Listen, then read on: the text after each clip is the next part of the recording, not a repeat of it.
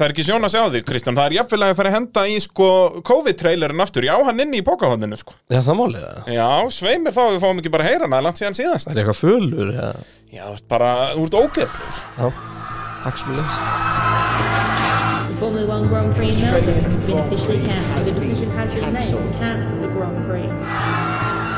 COVID-19 hefur dreigið yfir 500 til dauða í New York. Formula One Grand Prix has been cancelled because of People coronavirus. have now died of COVID-19. Jú, pitturinn hilsar Já, og, sko, eh, nú vill ég ekkert verið í kringu þig sko.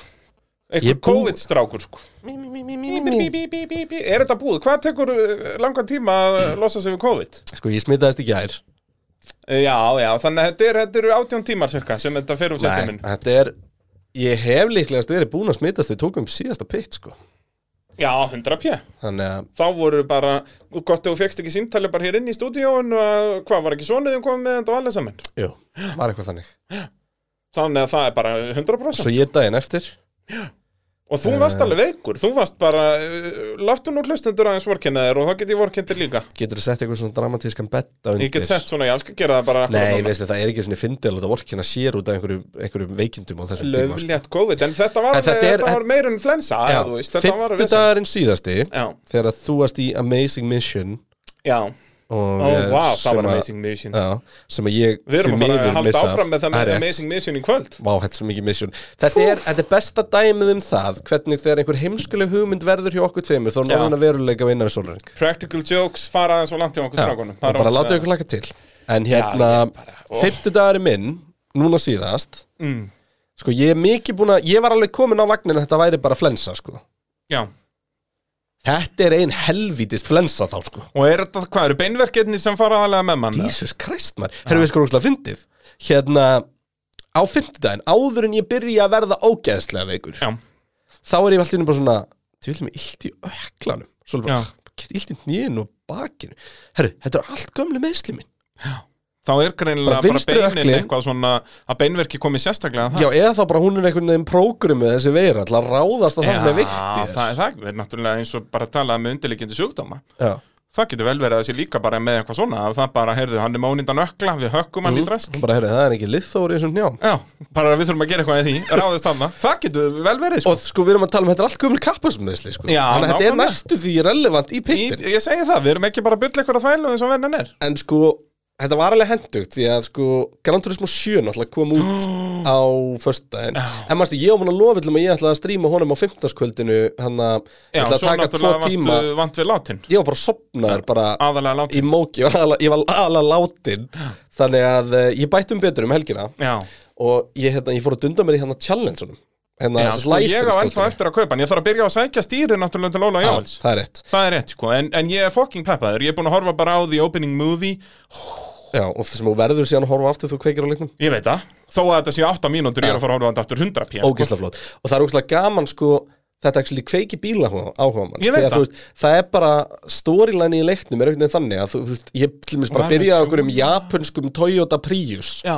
skilur sem heitir eitthvað allt annað og lítur öðru í súltetur en Prius sem við þekkjum Já, en bara þú veist það er bara eitthvað svona fake uh, car enthusiast Já. sem byrja bara að segja mig frá bílnum og eitthvað svona. Og maður Er allt innum þetta bara þú veist mjög, er þetta ekki svona eiginlega bara framhald af Gran Turismo 4? Mér finnst það líta eiginlega, og það er, leik, það er eini Gran Turismo sem ég hef spilað ég, 2 ég hef spilað alla sko. Já, og sko einu vombrið mín við hennar leik er að mér finnst hann of mikið bara svona einhvern veginn eins og já, nú var að koma fullleikurinn út af Gran Turismo Sport. Það sem að þar, þú veist bara með kappastuselementin þú veist, það var allt er fókus á það kappastus síðast í leikunni? Ja? já, það er leikurinn sem kom á milli þú veist, það var Já, ekki ég í þekkit ekkert þú sko veist, það var ekki í 1, 2, 3, 4, 5, 6, 7 seríunni, heldur kom sem sagt leikur sem bara fókusar á online og kappakstur og þannig, og er mjög skemmtilegur sem að GTS Æsland er og, já, og já. það allt saman. Þannig nú erum við að fá bara klárað útgáfun af þeim leik Já, þannig að núna erum við rauninu með bara Gran Turismo með Gran Turismo sport elementunum inn. Og náttúrulega geggja karriérmót Já, og A-Trace og 5 náttúrulega lúkar þessu. Já, það er náttúrulega, karriérdæmi er skemmtilegt. Þá þarf við ekki að tala við eitthvað fólk Það er dásamlegt. Ég var í einn og halvan tíma ég setti það markmið, ég strímaði því nú öllu að hérna, að klára allt license dótið í gull með öll assist og alla hjálpa af. Akkurat og ég lendi þannig í tveimur sem voru helvitari það var hérna AMG, heitir hann ekki AMG SLS eða eitthvað hann Jú, hérna var með langa hótið, bensin Já, sérst, nýju samt. Já, Já, og hérna á Nürburgring, Norðurslöfinni, einhver kabla, mínútu kabli, það var erfitt að ná því gullinu, mm. uh, án spólvarnar, og svo var það hérna loka challengeið. sem er hvað? Það er Porsche 917, bara gamli Já, bara hérna. Því En kappastursbílinn kapparspillin Já. á spa að þotna. Þannig að það er þurr lína í brautina. Og þú getur ímyndað er hvað throttle sensitivity er mikið Já. þar.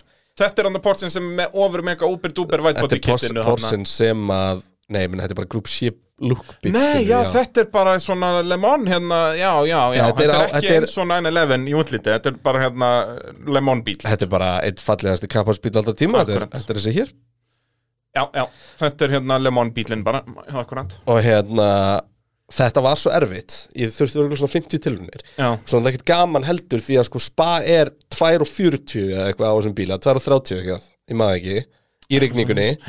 Og síðasti kaplan á brautinu verður alveg blöytur þannig að allt í nú getur ekki verið að gefa í ef það er bara smá beigja og það er náttúrulega eins og segir á þessu apparati með breið afturdekk og svona, þetta er ekkert aðsamlegt og svo til þess að æfa sig á síðasta kaplan þetta er alltaf að komast í gegnum órús og góðum hraða og eitthvað svona Já. þannig að það tók svona tíu tilhörnir bara að komast aftur á síðasta kaplan til þess að krassa svo aftur það til, til, til að læra sig. það já, já, þú já. veist. Þannig að þetta hefur tekið sinn tíma. Já, og ég held að klukkuna voru en hálf tvö um nótt þegar ég loksins, Ég og málið það, ég að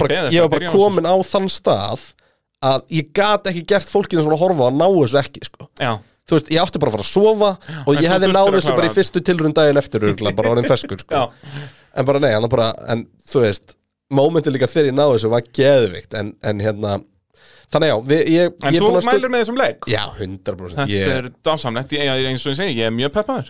Þetta er fyrsta skipti sem ég hef verið pen- spenntur fyrir tölvuleik. Nýjum tölvuleik Ever, held ég. Já, maður var svolítið peppað fyrir Formule 1 núna, sko Já, en samt ekki svona Þú veist, ég var ekki En þú náttúrulega ekki þegar hann kom út líka Þú varst náttúrulega ekki komið með plessun eða Nei, ég stýri segi eða neitt, ég sko. fæ hann bara hann já og þess, eins og ég segi, þá var ég ekkert spenntur fyrir honum að, ég var spenntur að fara að spila hann þegar aðstæðunar byggðu upp á það. Já, en ég eins og þarna, þú veist, ég vissi til dæmis að þessi leikur var að fara að koma út í mars. Já, þú veist, ég, var- ég sá þetta bara í desember eða eitthvað og, og bara, og hef verið spenntur sko, Að ég er á, ég svipum stað. Það er sko. langt síðan ég hef verið spenntur ykkur leik og hann er ekki vombrið allavega. Já, já, Þú veist, svo ég fyrir segi, utan það, eina, sko. eina sem ég hefði viljað sjá er að þú veist bara allt svona mælaborðið og allt dótið er bara alveg eins og Grand Turismo Sport Þannig að þú veist, jú, grafíkin sem þú ert í PlayStation 5 er geðveik sko. Já, ég er og spenntur var náttúrulega því, geðveik í PlayStation 4 líka sko en hún er bara ennþá geðveikari. Þetta er náttúrulega fyrir, þetta er svona einna fyrstu PlayStation 5 leikjónum, þú veist, sem Já. gerður fyrir hann, PlayStation 5 kom, hann endaði sem það að koma líka út á PlayStation 4 bara, Já, út- að það er bara út af því að þetta er Sony leikur Já. og þeir náttúrulega geta Þeir ekki verið að delivera fólki Nei, nei. þú veist. En, þetta hérna- hann er gerður fyrir Play- Þú veist eins og F1 leikurinn er ekki gerður fyrir Nei, PlayStation 5 og ógeðslega pyrrandi, það er ekki crossplayunum þannig að ég get ekki til þess að vera með lobby í Formule 1 Já. og PC-spilar verið með mér en það er búið að lofa því í næsta leik. Það mun muna heldur miklu. Já. en hérna, en allavega um, bara mæli með, hann er frábær og hann er líka, þú veist, þú tekur hann bara þínum tíma og þínum hraða. Akkurat. þú veist, ég man alveg hvernig þetta var í Gran Turismo 2 og 3 maður unlockaði bara einhvern klikkaðan bíl og þá var ég bara á honum. En núna er ég bara eitthvað að dandalast á gömlu Mini sem er orðin sko 550 kíló og 140 hestöfl og slikkum með alveg fjörun Já. Pits logo og Já, bara það er náttúrulega svona Ja, customization í bara drast allt sko. Og hérna, og þú veist En getur þú þá downloada logoum inn í leikin eða þurftur að búa það til bara með línum eða? nei, ég bara upplótaði í gegnum vefin og bara upplótaði réttu formati. Og hérna Þú og, verður að senda mér þann fæl Nei, þannig er bara public, þú getur nú bara frá að searcha hann held ég. Nei, ég, ná, nei, ég náði ekki að stilla hann public En Guffi okkar, Já, hann er pottið að fara að henda pittinum inn fyrir okkur. Hann gerði það í Grand Turismo Sport já. Og hérna, þannig að fólk getur sótt það. Hendi pitt, jöðli það mikið veistla að vera með pitts logo Og ef þið eru að gera cool livery, sendi á okkur. Já, Það er 100%. ógeðslega gaman að sjá Þótt að sé bara, þú veist, mynd á síman ykkar Já, já. Og senda á okkur. En hérna, en, sérst Þannig að ég er að dandalast okkur svona, ekki bara eitthvað, herri, ég er komin hérna með Pikes Peak við töruna sem er 1500 hestöfl og ég vinn allar keppnir bara um Já, leið, já. þú veist. Þannig að hérna, Ég man í Gran Turismo 4 og þá var ég að vinna með sko, þú veist, þá egnaðist ég Ford GT eða eitthvað, þú Já. veist, eitthvað svona geggjaðan og til að fá mikinn pening að þá simulata ég 24 hour race eða 12 hour race bara á Nürburgring eða eitthvað Já. til að fá bönsan pening og var að þá góðum bíl að 12 vann það bara já, þú varst bara í pásunni. Já, nei, svo, ég setti þetta bara yfir nótt, sko. Já, ég bara íttur á start Þannig að hann bara kerði sjálfur. hann kerði bara sjálfur og svo bara fór ég að sofa og fór í skólan og kom með með skólanum og PA, ég átti fullt af pening. Mikil veistla reynda var papp, pappi vorum brjálæðar hann var alltaf kveikt á Playstation og náttúrulega það gengur ekki, sko. já ég slökti nú á sjónvarpinu sko, Ó, já. en hann var samt ekki sáttur með þetta sko, enda náttúrulega rafmaksreikningurinn verið eina Playstation 12 fer Það bara er í hann svona eins og til dæmis afi er alltaf Hann og slekkur pappar, alltaf sko. Hann slekkur alltaf á fjöldtinginu á sjómvarpinu Já, og já, og bara alveg bara ef þú veist að einhverju peru í gangin í einhverju herbergi þá bara getur ekki sofið og bara, þetta er bara, ert þú ekki svona, þú ert faðir. Þú Nei, að þetta er svona. aðeins byrjað að gerast Já, sko. já, Maggi bróðir er bara nýbakaða fæður og hann er strax bara, ég fór heimsók til þessum daginn Bara hann myrkur. Já, að þú veist, nei, út að ég kom til hans bara klukkan halv átta á morgun eða eitthvað og síðan svona um tíu leitið, heyrðu, getur farið í herbyggin og slögt ljósinn Sannur pappið þarf að ferða fíla það. Er eina vitið. En sko, já, þetta er geggjað, ég mæli með og, og hérna, og það er alls konar skemmtlegi fítsjórar og, og ég hlakka til sko þegar að þeir sem að vita eitthvað um hennan leik og þannig eru fannir að stúdira og búið til lobby. Já, því að núna er það náttúrulega bara svolítið svona vilda vestrið sko. Þú veist, þú bara ég að náttúrulega braut er og það bara mætir. sko. Jú, það er hrigalega gaman. Og þú myndir, Já, þú myndir ég veit elska að koma með okkur í Formule 1 það Ég er veit bara, það ekki, sko. En hérna, ég er bara búin að setja brallin og bræi og bjöhundur sem bannorð á Twitchi mitt. Það er svo leiðis Ég nenni ekki að vera spurður oftar um hvar, hvar er sko, bralli ég var þarna með einhver einn kvöld og ég verði að viðkjanna að mér þótti það ekkert spes. Þú ætti líka að vera að keira með okkur. Já, en þú veist, það, ég, ég veit ekki Þú Þetta mynd, bara þú mynd heillar mig. elska, það, ég get lofa þér í mm, En hérna, en allavega, þegar það er komið og maður getur farið bara eitthvað svona bara stilla upp í eitthvað alls konar bjánulegt það sem að, þú veist, er kannski eitthvað jöfnur þannig að mínu minna og bara sjens í Ferrari í eitthvað hjá þér, skilur Já, og við já. getum bara að leika okkur þannig og hafa Já. gaman að þið, sko og þá líka þegar maður allir að finna bíla sem að, þú veist, trikki í þessum leikir að það er ekki alltaf bara að kera hraðskræstabílin heldur að kera bílin sem þið finnst gaman að kera já, sem er svona rétt yfirstýrður Já, og svona, veist, og eins og mínin er ef okkur svona gett hraðri braut og hendur um beigð afturhundi stígur út og bara skellir stýrunu alveg til Bara í bara já, lock, já, já. svo bara stendur hann og þá bara svona driftar hann einhvern veginn í gegn á framhjóladriðinu sko, og breytir úr sig. Já, akkurat. Og það, veist, það er bara ógislega gaman. Þannig að ég mæli, mæli með og rallítóti það er reyndar veist, Það hefur Gran alltaf verið slagt í Gran Turismo. Það hefur alltaf bara verið meira bara svona Herru, hér er kapparsbrut á möl sem þú mátt fara mikið út á og Já. Skilur, og svo bara Þú spurning um er að og segja, þú fer ég að pratta í grasinu og mölinni, sko. Já, en En ég skil nefnilega ekki af hverju að halda áfram að, þú veist, þetta, ég tala náttúrulega alltaf bara um Gran Turismo 4, út af það er einu Já. leikunni sem spila, þá var einmitt líka svona rallystöf og það var bara svona, njö, og öllum fannst það njö, en samt halda þær alltaf áfram með þetta. Já, en þetta er samt alveg gaman sko. Já, vissulega, þó þetta sé kannski ekki Já. það var þetta gaman. Ég hugsa líka sko, Gran Turismo er ekki Hann er ekki hardcore simulator Vissulega, vissulega. Og þú veist, bara þegar við fyrir í dört og svona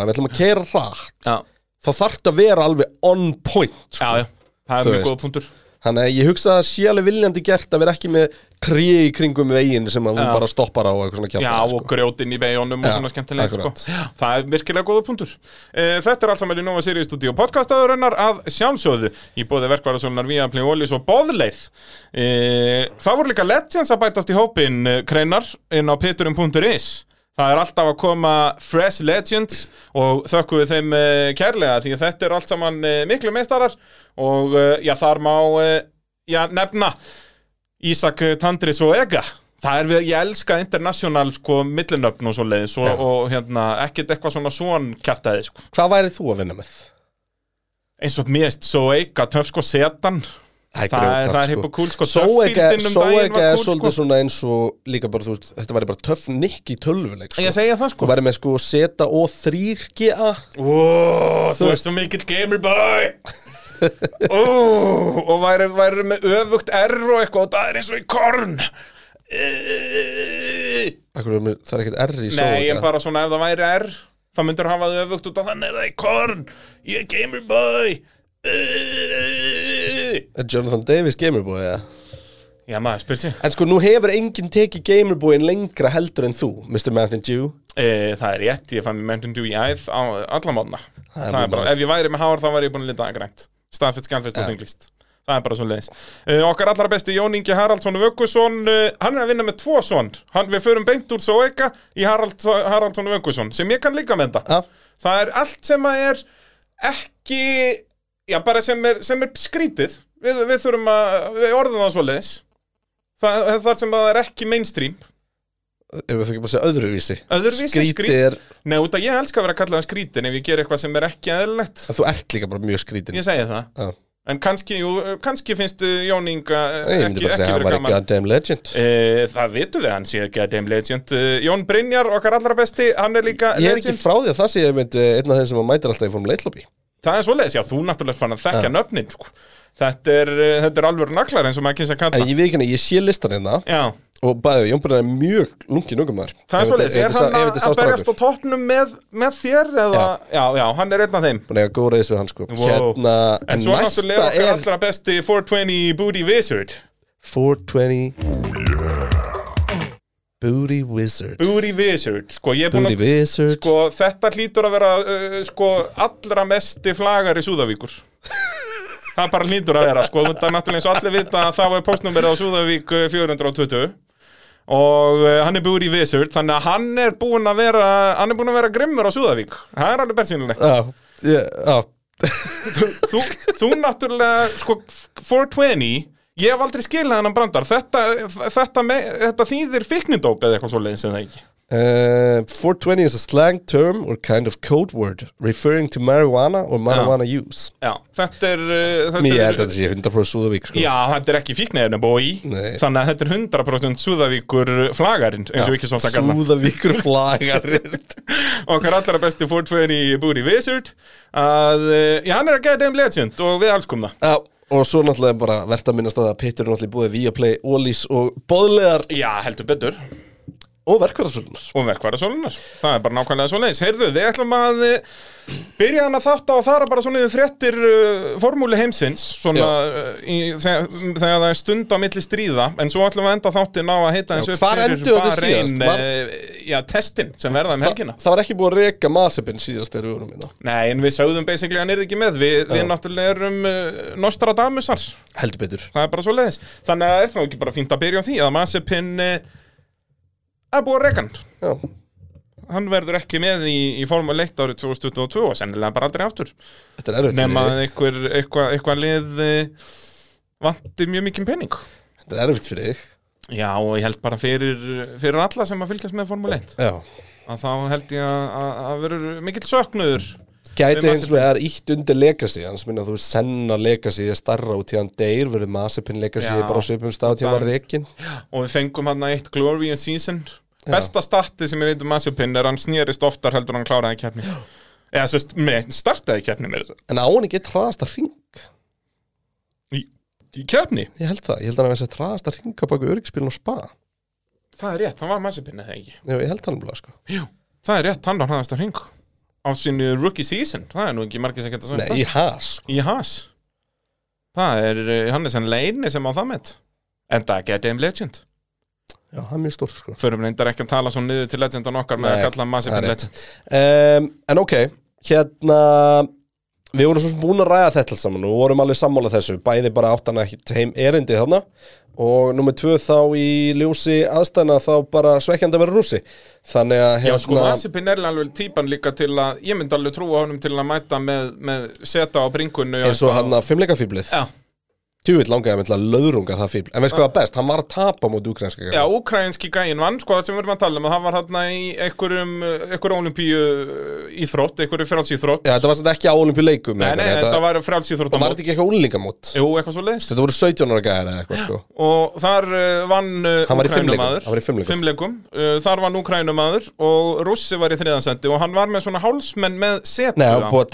Með setu á. búningina Og seta er sem sagt, er þetta ekki svona hernaðar Þetta er bara nýji, nýji fucking hakakrossin Já, basically. Og Þetta er bara hérna ekki cool.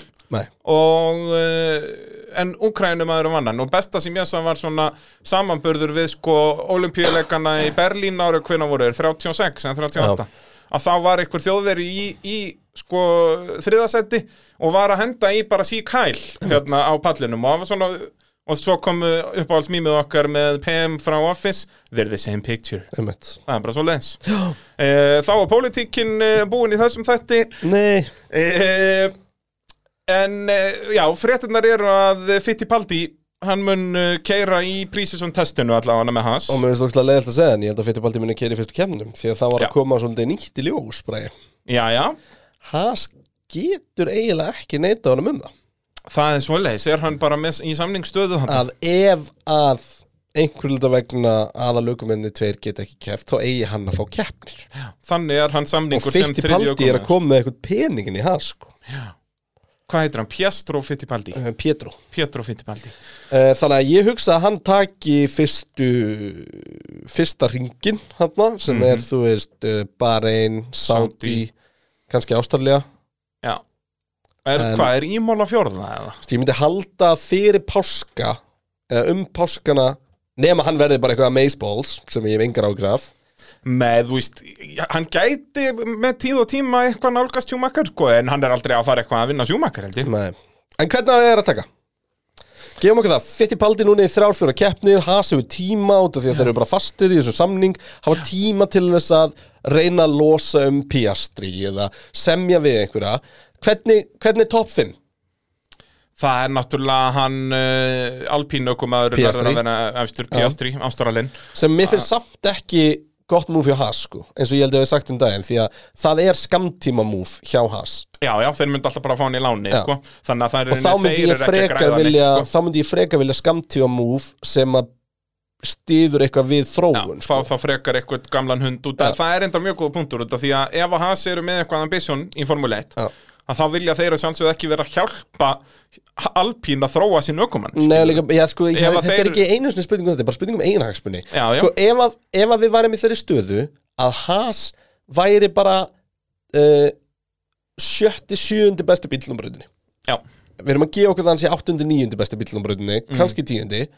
En ef við, ef við gefum okkur það að þeir væru þarna á góðum degi skoraði stig já, já, væru þarna bara svona Já. eins og Alfa og Williams voru í fyrra eða svona Já, jafnvel ögn aðeins betur. ögg betur, já. Já. Svona svo Alfa voru árið undan Já, já, akkurat að þá myndi það meika 100% sens fyrir mér að taka hérna, Piastri en reyna að skora einhver stig og tryggja það að ég fengi meiri pening heldur en Williams, Alfa Alpín mögulega, þú veist, á næsta tímubili um, Við erum ekki að gera ráð fyrir því Þú veist, það sem að skipti máli fyrir Haas er að bílinn sé í keppnin á réttum stað þegar eitthvað fríkdæmi gerist fyrir framann og þá er mögulega og, og stigum og fá gott feedback, þróa bílinn og þá fyrir feedbackið að skipta öllum máli þá allt í nú verður bara kúpitsa verðmætari heldur en Piastri sko. Já. þannig að hérna þannig að ég svona eða þú veist, annars að ég viti nokkuð um Piastri en ég bara ger, Já, hann er ungur hann, hann, hann á þrjú tímabili single seater undir beltinu sko.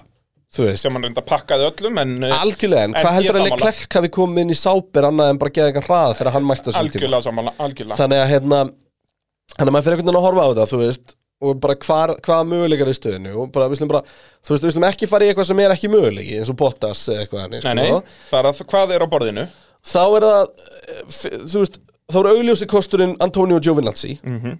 Um, annars að ég reyndar hafi einhvern tímann heyrt neitt sérstaklega gott eða slæmt um hann sem aukumann með feedback, en ég meina hann er með reynslu. Já, þú veist, hann er 100% betri í því heldur en Piastri. Þú veist, maður myndi Já, halda það. maður myndi halda það. Bara með út af reynslunni, sko.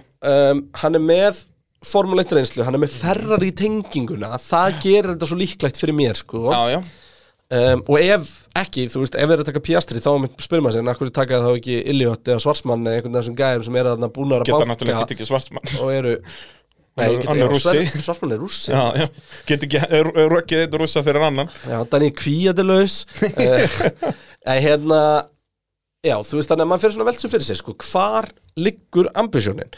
Um, Hulkenberg er nafn en ég, þú veist, Hulkenberg er rosalega fýtt kappansökum maður Nei, þú veist, ég held að, sko, þú talaður um Kúbika Hulkin er bara svipaður nema er hraðari, skilur Já, Þú veist, já, og ég var ekki að segja að Kubica væri á topp 5 listan nei, nei, nei, alls ekki En þess að ef við erum að tala um svoleiðis, þú veist, ég myndi setja Hulkan allan tíman á lista yfir top 5, 100% sko, Ég myndi vilja svo Haas fara og segja grósan aftur.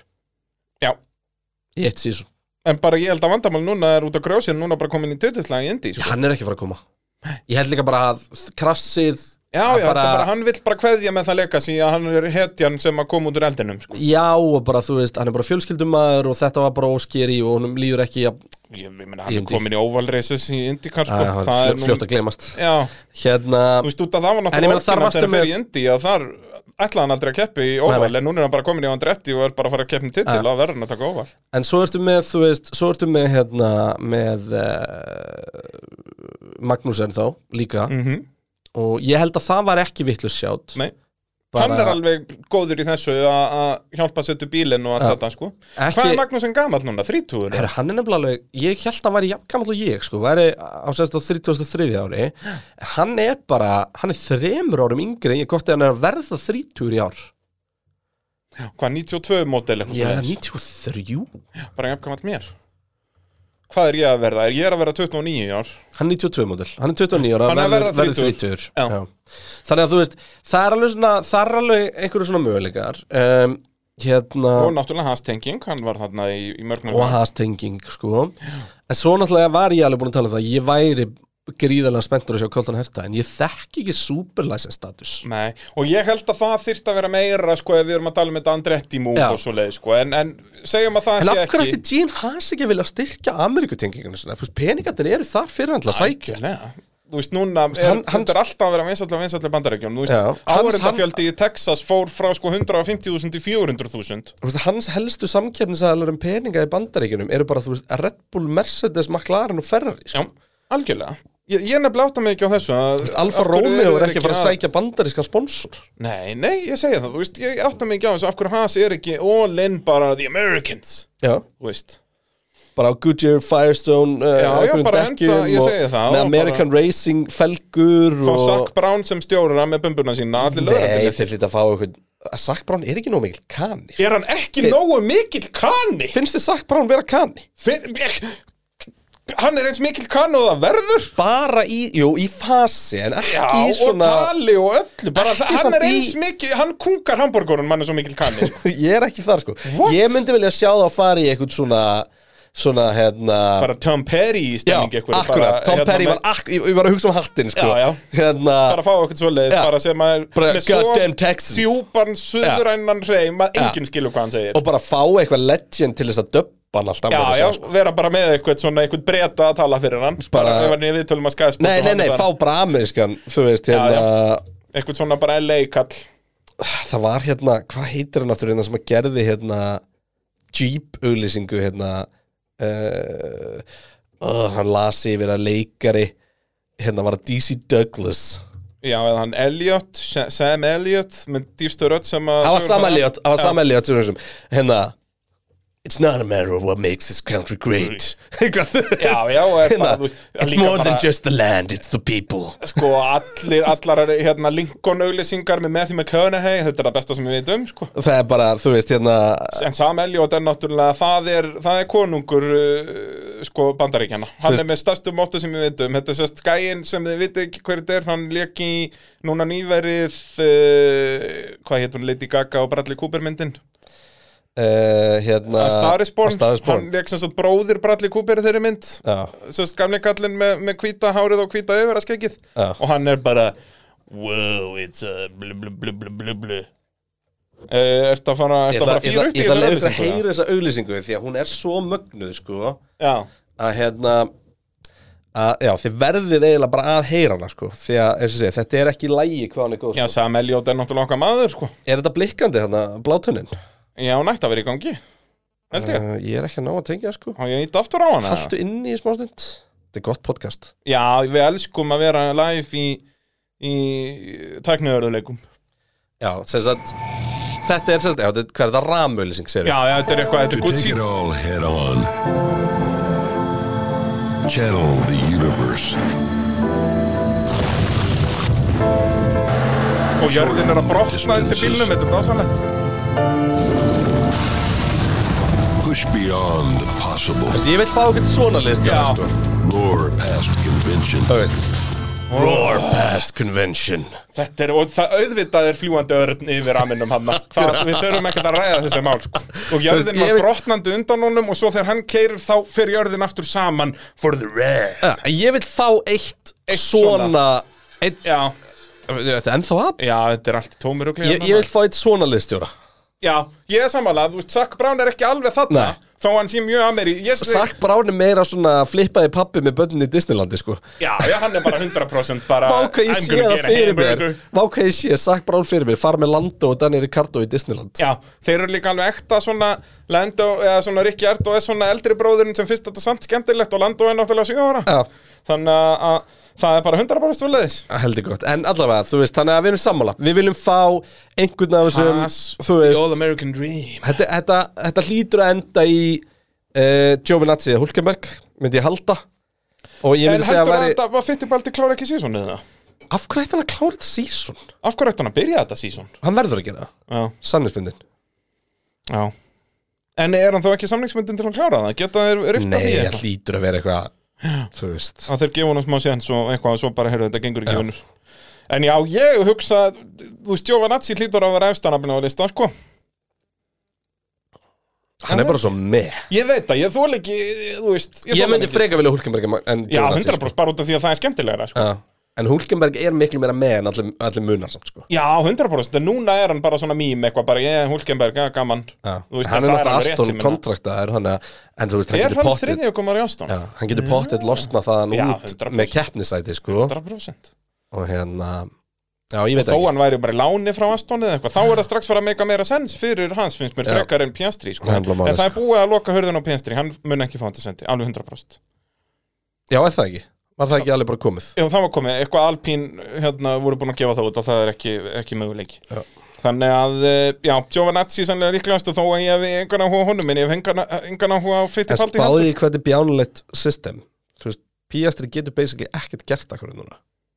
Hann má ekki fara aftur í fórnum Ég veit það, hann er bara, hann verður að sitja. Hann sagði það þegar hann vann titilin núna í Formúlu 2 bara næsta ár verður á, svo sagt, eitthvað the year I, I, I be champion on the couch Hann verður bara sitjandi heima Já, þú veist, það liggur við svona fyrir ferilinn að þeir sá hann frá frá mistari hann hefði bara átt að DNF að síst tvær kemminar sko. Hvað, bara til að losna sig undan þessum samningu? Nei, bara til að geta fengið að keppa aftur fyrst hann var ekki fara að reysæti Já, þú meinar, bara ekki vinna veist, það lág alveg fyrir, hann var ekki að Það fóra er reysæti regla í Formúlu 2 að þú mátt ekki keppa Já, já, mátt, sem mistari máttu ekki keppa aftur. já, ah, já, þú þarfst ekki að vera ríkjandi bara bara, Hamilton má ekki vera í Formule 2 núna. Nei. Já, hann, já, þó, hann var náttúrulega GP2. mistari ekki fyrir tveimur sko. Þetta er ennþá möguleiki Hamilton. Þannig að, eh, já, þetta eru svona helstu sætin en, en já, það er svo staðfest að Fittipaldi mun taka barinn testið en ekki staðfest að mun taka fyrstu keppni endilega þó að við höldum að það verði nú raunin. Náttúrulega fyrsta keppni er bara eitt tvær vikur. Það er alltaf að byrja Hú, eh, Gleðilega Bóðleif að sjálfsögðu í, í sambandi með okkur strákonum Já. og eh, verðt að minna á það að þeir eru með bókaldskerfi og bókaldsþjónustu Núna þegar að náttúrulega allir er að fara uh, hendin skattaframtölum og svona skemmtilegt sko. Það væri nú gott að geta bara exportaði þægilega hann sko. Hend bara bóðleið í það jobb og uh, græði þetta En þetta er rosalega viðeigandi að tala um bókaldsjónustu núna mm. Þegar við erum að fara að tala um stærsta samning bara sem ég, Ég man segi eftir það sko, bóðleið þeir væri nú til í að vera með puttan í þessu Gott, Það er 100% eitthvað software sem að bóðleið eru með komið nála þessum samning Já, Ég held að ég geti staðfest það. Já, Og það er að sjálfsögðu okkar allar besti Max Verstappen Já. Ríkjandi heimsvöndar í Formule 1 eh, Var að skrifa undir einn allra lengsta samning í sögu formúlunar fimm ár. Hann var með samning til Nei, fimm enda ár, þetta er raunverulega- 2023 Já, þetta er fimm ára framlenging á núverandi samning. Hann var með samning til enda 2003 og núna var hann að bæta fimm árum við það þannig að hann verður hjá Red Bull til loka 2028 Með 50 kúlur á ári. Já, Og sem er vektan um íslenska kúlur Nei, við erum að tala um erlenda kúlur Já, og evrópskar kúlur. Kúlur og sem gerir hann átjánda nei, nei, sagt, launahesta íþróttamann í heimi Mm. eins og staðan núna Hamilton er í áttundasenda á þeim lista Já. Uh, og það er náttúrulega bara út að auka sponsum og svona dóti sko, hjá, hjá Hamilton Kemur það inn? Er þetta ekki Já, bara laun? all, allt sem er official svona partnership sko, en það er náttúrulega allir þessi gæðir eru með eitthvað svona sem Og er Max ekki official mun byggja það upp á næsta Já, árum sko. 100% er ríkjandi meistari og, og allt þetta sko Já, en, samt, ég er ekkert viss svo sem um það Því að það munurinn á honum að Hamilton er það, Ég held að svona stöð flækist frekar fyrir Max heldur en Já, en hann er bara með, með fólk í þessu sko. En það er rétt, hann verður ekki sama brand og Hamilton Nei, sko. eh, þú veist svona En- öðruvísi brand sko. Já, hann verður bara svona sjúmakkarinn meira og Já. sjúmakkar var nú launaðist íþróttamaður heims í, í nokkur ár sko. Já. Þannig að, þú veist, það var líka svo skrítið á þessum Ferrari árum Þú veist, eitthvað sem maður tók ekkert endilega eftir þá en er að taka eftir núna, þú veist, eins og sjúmakkar og Barry Kello þeir voru alltaf í mismunandi göllum. Já, það var svo mikið að Nei, nei, þetta var alveg einskalar, ég er bara að tala um brandið á galanum Schumacher var alltaf í OMP og bara Kello í ykkur Sabelt eða ykkur sem að sem sagt, Ferrari voru þá með, þú veist, ég held að Schumacher hafa bara verið með sinn spons, bara OMP, ég ætla að vera í OMP galla, Þetta, veistu, það kemur ekki óvart Gagvat Schumacher, þetta verður líka bara, hún fannst það bara betra og hann í því, sko. Eitthvað svo leiðis, bara við gerum allt Ekki einu fyrir. sinni að fengi að borga það, sko. Mér er bara svo steikt, við sáum það nú eh, ansi oft saman á velunapalli, bara Kello og Schumacher. Ég ætla hann ekki ekki sem krakki, en bara núna eins og þegar ég voru að horfa á Schumacher heimildamindin og þetta dót og er að horfa á gömul review þessi season, að þeir eru í mismunandi snið af galla, alveg eins galli, a- a- allar merkingar ákveðlega eins, bara öðruvísi snið og náttúrulega öðruvísi logo, þú veist, í hálsinnum. Ókvæðast Það er mjög spens En hérna- Þessi samningur til enda 2028 sem þýðir sko að ef hann klárar hennar samning með Red Bull sem er náttúrulega ekkert endilega staðfest en þú veist, hann Mhm. Nei, er búin það að er gera pottið samningin exit í þessum samning, Já, sko. já, það er í öllum þessum samningum. En þá þýðir að hann byrja sest, eftir 2028 sísóni eða vera 23 keppnir á ári sem verður sennilega ekki að vera sennilega fleiri en ef við segjum 23 keppnir á ári þá mun hann byrja 279 keppnir með Red Bull. Þú ert ekki að telja Toro Rosso hann inni Nei, bara með Red Bull. Metið að byrja marg flestar keppnir með einu liði er Michael Schumacher með 179 með Ferrari. Já. þó að Hamilton er á 178 með Mercedes þannig að hann mun bæta það. Já. en við erum að tala um 100 fleiri. Það er magnað. Og það er líka, við vorum að tala um þetta já, þú veist, auðvitað eru klásur í og svo svona og auðvitað er það svoleiðis en þetta líka, þessi tala segir svolítið hversu ólíklegt það er að hann klára hennan samning út að hann er að fara að toppa Schumacher hjá Ferrari sem er bara besta ástarsaga í söguformúlunar hann er að fara að toppa það um 100 keppnir. Já. Þannig að þó að eins og Schumacher að allt var í blóma flest öll Hann bara- þá hann samt bara- endaði það eftir 179 Hann keppnir. Er bara að toppa það um fjögur season í dag, sko. En náttúrulega húkarinn í þessu er að Schumacher hættir hjá Ferrari hvað, 37 ára eða eitthvað, 36 ára. Já. Árið 2028 verður Verstappen 31 Þá er hann rétt að byrja. Hann bara- gæti tekið 200 kettur viðbútt Leikandi, hann gæti verið með Red Bull. Ef hann verður bara einsliðs wonder, skiluru, bara takki bara eh, hann, eh, bara, Francesco Totti á þetta En bara. ef hann bara væri, ef Mercedes verið bara með Red Bull er bara eins og Mercedes voru núna. Já, já, Engin ástæð fyrir Vestafinn að fara. Akkúrat. Hann heldur áfram með bestur. Þá gæti hann verið hann í 400 kemnir Það er magnað. En hérna, ég var einmitt vakin uh, af uh, Aroni, blaðamanni og fréttablaðinu Nó. á fimmtasmorgunin í einhverju móki. Já, og hérna, því að þá voru þessar fréttin nýkomnar út. Já, og uh, hann var að beða mig um skoðunum. Leðan hann frá svo ég bara já ok, þetta er bara þetta er basically bara þannig að, að fyrsta Max er að skrifa til þennan samning núna. Það er ekki tilviljun sko. Nei. hann er búin að að býða fram að þessu mómenti til þess að sjá í raun og raun, ok, ekki alveg fram að þessu mómenti þetta er ákvörðin hans sem hann sé til í þetta komið vantarlega eftir Barcelona. Og það eru rosalega góða frétti fyrir Red Bull stundisvolk því að það segir okkur að, verstapin og hans teimi hefur trú á þeirri svona vegferð sem að Red Bull er á akkurat núna. Og þú veist þetta er rosalega langur samningur og Red Bull alltaf móti hafa viljað fá langan samningu þann en þetta er bara þetta er bara skýrt merki um að Red Bull verði í titilslæjar e, algjörlega, algjörlega.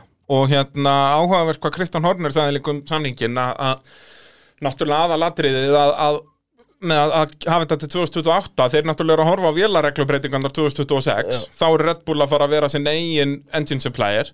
Og þá vilja þeir hafa, já, hafa verðstappin í gegnum það, þú veist, sem að er bestu okkomæðurinn í formúlinu og verður það alveg pottið þá, sko, eða, þú veist, þó maður veit aldrei kom einhver ungir í gegn, en, en veist, þá verður Hamilton 100% hann verður allavega í topp þreymur Já, þú veist, já, ég held að hann verður bara ver- hann verður alltaf í S-týrinu Já, algjörlega, svo bara spurning hvers, hversu hefðin að vera með bíl, sko. Af hverju er ég að spritta mig? ég er með COVID. Já, þetta er einkennilegt.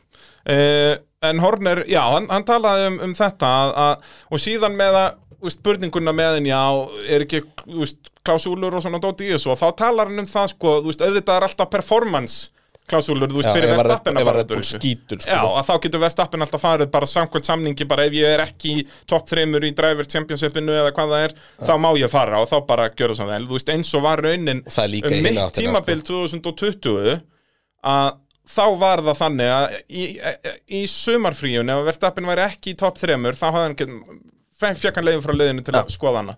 Og það er alltaf eitthvað svo leiðis veist og og það er líka í tímum. hinn áttina. Já, en það, Horner talaði um það, það er ekki jafn svona specific í hinn áttina. En, en, en, þar geta þær alltaf bara kift upp samningin líka sko. Já, en sko Horner talaði um þetta að þar er þetta meira að hann, af hans reynslu ef að ökumæður er farin að tala við liðið um að komast undan samning þá er þetta, þetta snýst meira um relationshipið á milli og ef aukumann vill fara út, það endar yfirleitt að hann fara út. Af það bara það gengur ekki að hafa aukumann sem vill ekki kera fyrir lið þannig að, að það er meira svoleiðis bara að relationshipið fari fjandans til frekar en að það er eitthvað ég ætla að nota með þessa grein í samningnum. Þetta er meira bara svona, heyrðu, ok, þú vilt þetta ekki við kaupum út samningin, jæri, jæri, jæra og, og þú ferð, þú veist eins og far með Fettel til dæmis, Fettel var með sem sagt, var búinn að skrifa ég man ekki hvað, til hvað árs það var. Ég held hvort hann hafi verið með til lok 2015 eða 16 Já, þegar ferri sætti breyst Já, og þú veist, þá er Rikki Artur búinn að pakka honum hann á 2014 og hann bara til búinn að missa mojoið með, með Red Bull og vill fara og, og vill bara vera Michael Schumacher, Einmitt. og, og, og fara til Ferrari og þá var það svoleiðis, hann vildi fara og þrátt fyrir hann var hann á fjórfaldar með liðun og þá liður líf honum að gera En það svo er náttúrulega annað sko Það sem að Red Bull gera með því að, læsa hann svona lengi Mhm. er að flestir formúlusamningar eiga 1-2 ári eða eru hreinlega að renna út af þessu ári eftir Já. þannig að þeir eru að tryggja sér verstapin í gegnum óvissu þegar það verður lust Mercedes sæti út af Hamilton. Nákvæmlega. Þegar ef að McLaren verður að gegja þér og það verður lust McLaren sæti Já. og allt þetta sko. Það er akkurat þetta, þú veist, þeir náttúrulega horfa aðalega á Mercedes á staðinu núna, svo veit maður ekki með McLaren og Ferrari. En, en þeir horfa akkurat á það að vera með Verstappen læstan ef að Mercedes byrja aftur að vinna núna og Red Bull þú veist, fara aftur í skítin sem ég held reyndar ekki, þetta eru bara aerodynamikabreitingar sem við erum með núna en ekki vilabreitingar en, en að einmitt geta læst Verstappen. Já. En síðan er bara áhugavert að sjá sérst, hvaða ökumenn eru með samninga út að það eru bara átta ökumenn sem eru með samninga sagt, út fyrir þetta ár. Já, út fyrir þetta ár. Þannig að sinlýsísonu í sumar á eftir að vera svakalegt. Ó, vonandi fáið ekki andlitið svona bara fyrir tímabil eins og síðast Nei, þeir Það hljóta að gera þetta leiðilegt, sumar. Já, það var út af COVID náttúrulega. Þeir græði þetta í það ágúst var náttúrulega ekki bara út af COVID það var náttúrulega líka bara út af þessu sjokk hérna Fettel Sakki sem Já, allt já. fer í ruglið sko. En, en uh, ég, þetta hlýtur að græðast í ágúst núna En þetta eru sem sagt Ef við förum bara yfir ökumenn sem að renna út af samning núna Sérst eftir þetta ár. Já. Alonso, Sainz, Perez, Vettel, Stroll, Gasly, Sonoda, Albon, Latifi, Tjá og Schumacher. Hvað er heitastu á það? mm, Sainz 100% Myndi ég að segja. Því að það er aukumæri sem öllum liðum vandar Það er eins og tölum í síðasta þetta Hann er bara, hann myndi, myndi verða að gera Var öll ég- lið betri. Ef þú getur valið einhvern aukumæri til að setja hinn hasi núna myndir þú velja sæns Já, bara ef ég myndi Ég myndi taka hann fram með verstapin sko. allra liða. Það er hugsanlega bara Mercedes af við vitum ekki með Russell sem að ég myndi ekki sérstaklega vilja En Sainz og Russell getur þeim svo overtím þar ef Já, Russell er góður. 100% Þegar ef hann að Russell væri góður, þú veist þegar Hamilton fer. Þú veist, ef ég En væri Red Bull, var þá ekki myndi ég búið allan að- tíman velja Sainz yfir Perez. Var ekki búið að koma frá ferri að, að samningu verið að það var langt á við komnar með framlengi En ef, Jó, við hor- ef við horfum bara yfir þetta Alonso, ef að Alpinin getur eitthvað og Alonso getur eitthvað þá verður bara framlengt um eitt ár þar Ég trúi líka öru Já, já, Þú veist, þeir frekar sparka okkur út og taka PS3 myndi ég halda. Um, Ok, gefum okkur að Sainz framlengi við Ferri En okkur náttúrulega með samningi til 2024, sko. Hann skrifandi Já, samningi í það er rétt, hann að Til PS3 2024, sko, lokars 2024 um, Peres hann fæ bara eins og svo Bottas gera alltaf ef hann getur eitthvað. Að en uh, samt sem áður þá finnst mér það að vera svona valdasta sætið sko. því að þótt að hann Perez. sé sterkur fyrir Red Bull á einhverju leiti um, þetta fyrir allt bara eftir hvernig þetta síðan byrjar held ég sko. Já, kannski ekki hvernig það byrja að, jú, ef hann verður alveg hrikalegur en þó hann væri bara svipaður á í fyrra sem var ekkert frábært, en svona að ef að Sainz hefði verið í hinum Red Bullum í fyrra þá hefði pakkað hins fyrir að geta bílas með Já, 100% þannig að um, og núna er ekki Bottas í hinum nú er Russell í hinum Mercedes þannig að það er komin ennþá frekar í samkemni þar Ég var Russell verður eins og við höldum. Fettel, Aston Martin ég myndi segja að það verið vald sæti Já, það svona fer eftir bara hugar heim með Fettels, sko. Bara hvað bíflugurnar segja heima. Já.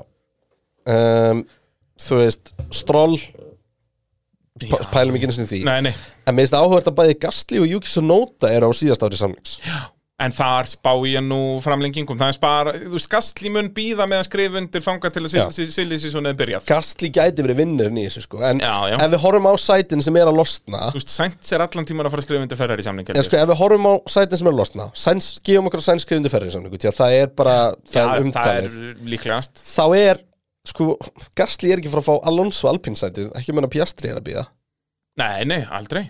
Og þú veist, þá er eina annað sæti sem að gæti mögulega verið spennandi fyrir hann Peres, Red Bull, en það er ekki spennandi fyrir hann því þá er hann bara number 2 hjá Verstapen Já, ég held að hann myndi frekar vilja vera það heldur en nummer 1 í Alfa Tauri, sko. Já. Út af því að það er, Er basically eins og að vera nummer 3 hjá Vestappen er ekki eina sætið sem mögulega gæti losna, sem mögulega fræðilega gæti verið einhvers konar stökk fyrir hérna Gastli væri að hoppa inn í fettelgigið hjá Aston. Já. ef að við erum að sjá eitthvað skýrt Já, nei, nú er ég að tala um miða við þá samningar sem er að losna Ég er bara gefa okkur það að þessi sæti séu laus Þannig að Gasly fyrir að tala við þessa aðla Já. Þú veist, er ekki hérna Þá er það að hoppa upp í Aston Já. Út af náttúrulega vandamáli með Gastli er að þetta, hann er ekki í projekti Við erum alltaf að tala um þetta. Alfa Tauri, þú getur ekki verið í nummer 2 liði Nei, hann er stuðningslið Hann er, hann Hann er nummer support 3 bara. hjá Verstappen, skilur Já, Hann væri akkurat. þá allavega að myndi taka Peres Þetta var allavega nummer 2 Já. Þú veist, það er bara svo leiðis Þó að Alfa Tauri sé alveg independent lið og allt En þú veist, þeir eru satt systurlið. Já, þeir muni aldrei vinna Red Bull. Nei, nei, það er bara Já, þú veist, ef þeir vinna Red Bull þá er það út í að Red Bull skate Það er ekki út í Alfa Tauri brilliru Nei, nei, já, Og, þú veist, og um líkurnar á leið og þeir vinna Red Bull consistently að þá náttúrulega fara Red Bull bara á heyrðu, gefið okkur þessar tekningar Akkurat, þannig að hérna Annars að segja Já, já. En hérna, já, þannig að Ég veit ekki En Aston Martin væri gott múf fyrir Gasly. Það sorglega er sko, ég se- segi um að þú setur inn í skeld, það verður rosalegt silly season í sumar. Já. Þú veist, já, en það er ekkit spennandi þarna. Minn, þú veist, það verður samt alltaf spennandi. Já, já, en þú veist, En er þetta spennandi þetta hvort að Latifi heldur áfram í Williams? Nei, nei. Þú veist, Nema bara ef við sjáum eitthvað geggjaðan talent í F2 skiluru að þá er spennandi að fá það Já. en, en það er alveg rétt, þetta er ekki það er nógir að gera góða hluti núna. Já, Hann er að koma- eða sérst, sem er að koma inn og uh, eitt frá Íslandi líka. Það er, það er, það er áhugaverið talentar í, í Formule 2 sko, já, já, já. Uh, En þetta er svona staðan á, á samningum uh, ökumanna Hamilton, Mercedes sem er báðar sín aukum út 2023, Ricardo er út 2023 hjá McLaren, Norris náttúrulega með næstlengsta samningin á eftir uh, Verstappen, Hann hann skrifaði 2025 undir fimm. ára, núna í sumar. Og okkurlega Klerk og Bottas allir nýlega búin að annarkvæmt framlengi eða semja við sinnlið og eru með tveggjara samninga Yep. 2024 Það er bara nákvæmlega svo leis eða út 2024, við erum alltaf að tala um út það Já, þegar við segjum ártalað þá meinum við að hann klári það sísón Já. Það er svolítið svo leiðis Ólís að sjálfsögðu með okkur hérna í pitnum og þeir eru að gera frábæra hluti. Uh, Við töluðum um að vera hættar að tala um pólitík en þá fyrir við aftur að tala um pólitík bara út af Ólís eru svo dansamlegir Ok. Því að þeir uh, já, standa saman til stuðnings fyrir Úkrænu Þjónustustöður Ólís bjóða viðskiptavinnum upp á að styrkja íbúa Úkrænu með framlægi til hjálpastans Rauðakrossins þegar þeir vestla og viðskiptavinni geta bætt 500 krónum við innkaup sín á þjónustustöðum. Og hagar greiða svo mótframlag að sömu upphæð alltaf 15 miljónum króna. Bara Þetta er, þetta er okkar menn. Það er bara svo leis Það er bara akkurat svo leis og bara dásamlegt að geta verið með svona fyrirtækjum uh, í samstarfi sko. Já, ég uh, tók einmitt þetta til fyrirmyndar og uh, skellti smá inn á Rauðakrossin fyrir helgi. Já, ég uh, er ekki búin að því en ég verið að rífa mig í gang. Já, Það er bara nákvæmlega svo leiðis Og eins og ég segi, bara frábært að vera með svona fyrirtæki með okkur í þessu. Eins og vorum að tala um verkvarðarsólun um daginn Þegar kemur mega mikill snjór, henda þeim skoplum á útsölu. Já, þetta er akkurat, þetta eru tækin sem fokk ekki verðinu sko. Það, er- það er nákvæmlega svo leið Ég Hérna- elska þessa stytting á fyrirtæki. Já. Tæki. Um, Eitt annað sem við kannski uh, er verðt að nefna að uh, taki frá lögutaskvöldi 12. mars Við erum að vinna Já. í, það er ekki alveg staðfist hvar eða hvernig. En við ætlum að gera eitthvað. Við ætlum að gera eitthvað. Já. Bara þetta er kvöldi eftir semst lokadaginn í testing og ég var Þetta er spákvæmt bara við myndum núna á ekki bara laugardaginn. Já, þetta er bara núna lögðan Ég var spákvæmt við myndum ekki taka live og opinbera spánum okkar.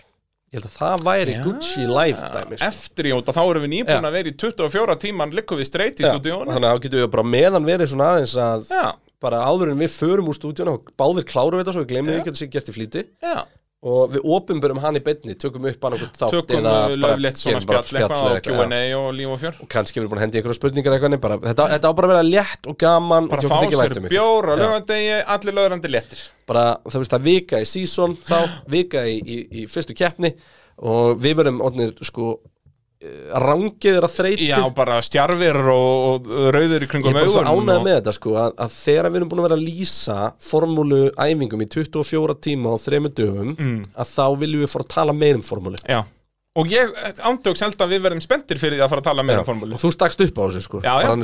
Þetta er, já, fá sér smá bjöllara, ég, við höfum það ekki. Já, Uh, Aston Martin, mér langar að ræða eins um uh, þá því að þeir voru að gefa það út núna í vikunni að uh, þeir hafa mikinn áhuga, semst bara Aston Martin framleiði sínar eigin Formule 1 félar já í ég held, 2026 er ég held því miður að þarna liggi neikværi hlutur að baki, baki heldur við höldum. Ég held, þú veist Hvernig lestu Lorenz Stroll? Hann vill bara pay to win, hann er bara til að borga fyrir að vinna. Og ég hef áhyggjur af því að þarna séum við að horfa á það sem ég hef búin að tala um hérna fyrr að það að vera eigin vélaframliti sem leiði fram hjá kostkapinu Já. Það er held ég ástæðan fyrir þetta, þetta verið gert Það er, þú veist, Red Bull er að fara að gera þetta 2026 Já, þeir voru enda svo sem þvingaður út í því Þeir vildu ekki vera. Þeir vildu ekki, þeir ætla aldrei aftur Runo Þeir vildu ekki vera customer hjá annarkot Ferrari eða Mercedes sem eru þeirra helstu samkemsæðalar Já, bara, þá veistu að þú ert ekki að fara að vinna þá, sko. Veist, Það er að- svolítið þannig, já. Svona eiginlega Þetta er ekki eins og þetta var hérna fyrir 25 árum. Nei, gæti breyst núna með kostkapinu og svona en, en, en allavega, þannig að þú veist Já, ég held að, ég held að þarna liggi samt þetta á baki að einhverju liti eða þá bara sennilega að, af sömu ástæð þú ert að nefna þannig veistu þetta ekki að vera að vinna á þeir vilja bara vera komnir á þennan stað 2026 sem ég að held og náttúrulega ef að en- vélarna verða líka einfaldar aftur þá að er meikar þetta sens. Þeir ætla að taka á DMG háið Já. Sem er en, en svona halda öðru svipuðu en þú veist að já, þetta verður allt nýtt. Þannig að, að eh, og ég er alveg með samanlega þessi á Aston Martin að ef þeir ætla raunverulega að vinna þá þýðir ekki að vera að kaupa vélar af samkemnisaðalanum sko. Já, það er svolítið þar sko. Og bara frábært ef þetta gengur og þú veist þetta er þá allt bara í þessu build-up processin hjá þeim að þá verða þær vonandi byrjaðir að, veist, vinna einu og eina keppni þarna 2024 og 5 Já. og, og svona byrjaðir að vera í öðru til þriðasendi í, í heimsvöldaramótinu og svo pjá, sínar eigin vélar í nýjum reglubreitingum og þá, þú veist, sem þeir geta þá verið búið að delefa, sérst, þróa í nokkur ár.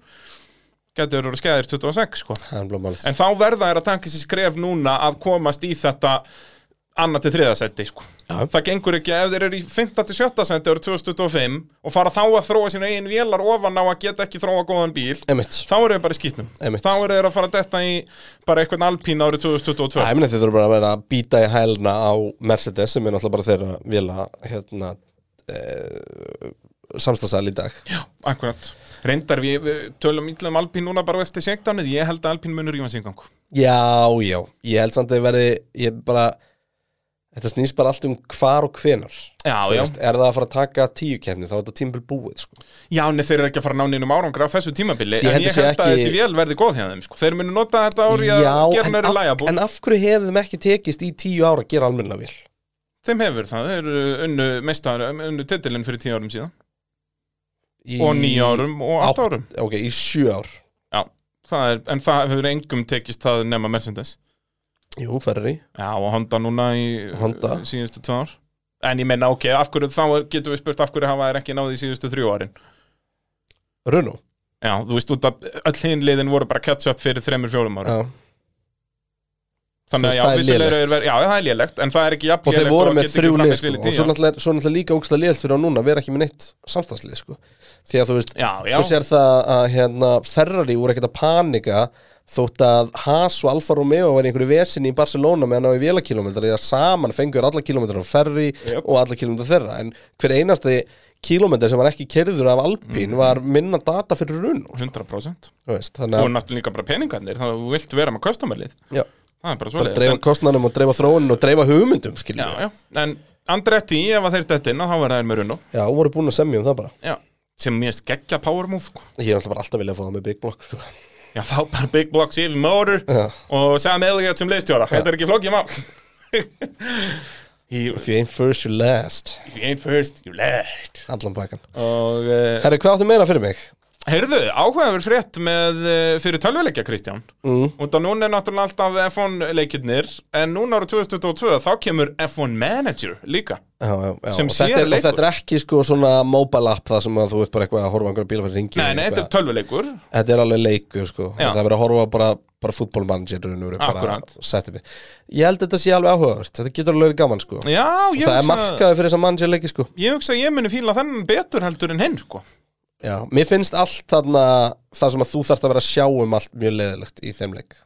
Já, þú veist eins og í my team og svona. Já. Þú veist, ég fíla það, það er aðeins of svona primitive í 21 leiknum. Ég vona að þróa það eins fyrir 22 leikin já, veist, En- annarkvort vil ég bara hafa þetta þannig að ég sé bara eiginlega meira managera heldur en að Já, keira já, ekki svona smá. Já, Já, en eitthvað, eitthvað svona smá eitthvað, já hér áttu eitthvað svona eitthvað svona coin sem þú getur eitthvað og svo öruglega getur micropurchase alltaf að fara lengra og eitthvað svona flef, flef, flef, flef síðan enni ekki, leiðu mig þá bara að vera aukum að það er búið sko. Já, já, akkurat Og ég held að í 21 En það er líka hægt að þar var stilla mesta það vesenið- Já, já, ég held að mesta vesenni með 21 mæ tímið er að það er sem sagt, eða helsti gallin er að þetta var of Já, en svo þetta er flókið, þá er mikið líka bæði. allt svona leiðilegt á fjasteringu sko. Þú veist, þú viltir með mús og líklabóra pæli öllu svona stöfi og vera að skoða einhver alveg lista og þú veist, það er bara svolítið svona bara setjast í skrifbórstólinn og byrja að vinna sko. Þú veist, maður spila alltaf fútballmanager náttúrulega bara á- í PC, sko. Akkurat. En verður þessi leikur á PC? Já, það lítur að vera. Já, er þetta ekki písilegur, ég held að Og eru glæði líka Playstation og eitthvað. Er ekki allir að gefa út alla leiki á öllum plattformum? Jú, þetta er orðið allt svo svipað, þú getur í dag kóðað svolítið bara fyrir allt í einu sko. Sérstaklega eitthvað svona basic manager leikur maður Þetta er ekki flókið mál.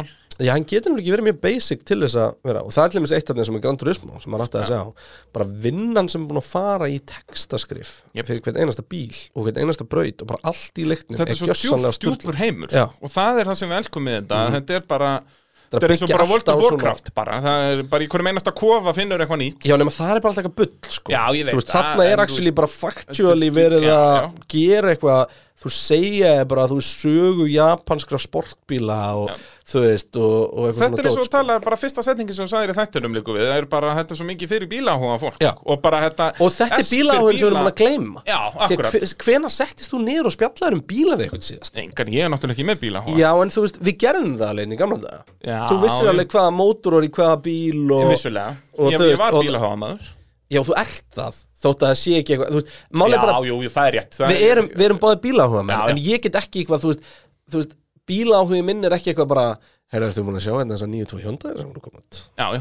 Skilur, þú veist, og, og hérna Það er ekkert eðlof búið að reyna að fá mig til að vera einhver svona umfjöldnaræðal um bíla. Já, einhver svona bílablaðamaður sem ég náttúrulega mun bara aldrei gera það þegar einföldu ástæðu að uh, ég nenni ekki að skrifa greinar þar sem ég má ekki tala illa um eitthvað.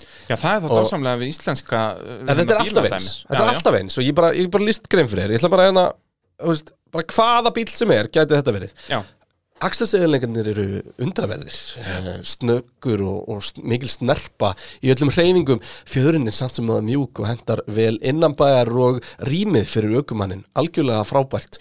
Um, og allt betra Stýrið- við gamla mótilið Já, stærra, alltaf aðeins stærra Alltaf svona, stærra, já. sko. En það er náttúrulega en- er Toyota Yaris að verða jepplingur bara. En svo kemur, en þó mætti mögulega vera aðeins dekkri grárlitur í kringum uh, köpholderinn svona, veist, alltaf eitthvað svona gallarnir er alltaf svona e, Þjá, það verður alltaf að vera eitt kalli Já, já, og og, er hann er svona fáránlegt. pínu fokking lítill. Já.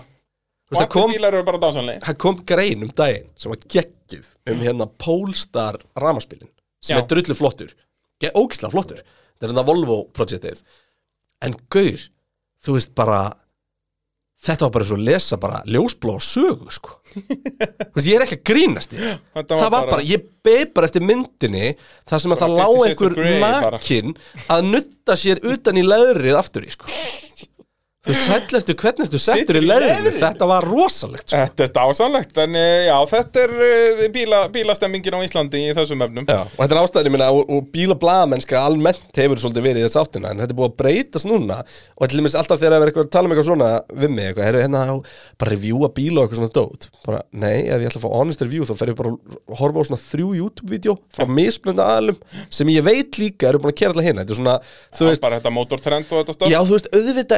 að er og á Íslandi og hefur aldrei, þú veist, gert neitt eða kert neitt bíl og svo er það bara eitthvað, heyrðum, og bjóður að koma hérna til Spánar og keira bara Lamborghini Gallardo? Þú ert ekki að fara að skrifa neitt annað heldur en einhverja sturlaða upplifun því að það er Algjörlega. sturlaða upplifun. En þú getur ekki reviewa Lamborghini Gallardo nema þú svo búin að kera, þú veist, og reviewa Ferrari, Ferrari já, 458 og, og hérna dýrustu korvettina og allt þetta skilur, eitthvað yeah. samburðar, sko. Þannig að, hérna, auðvitað verður að betur.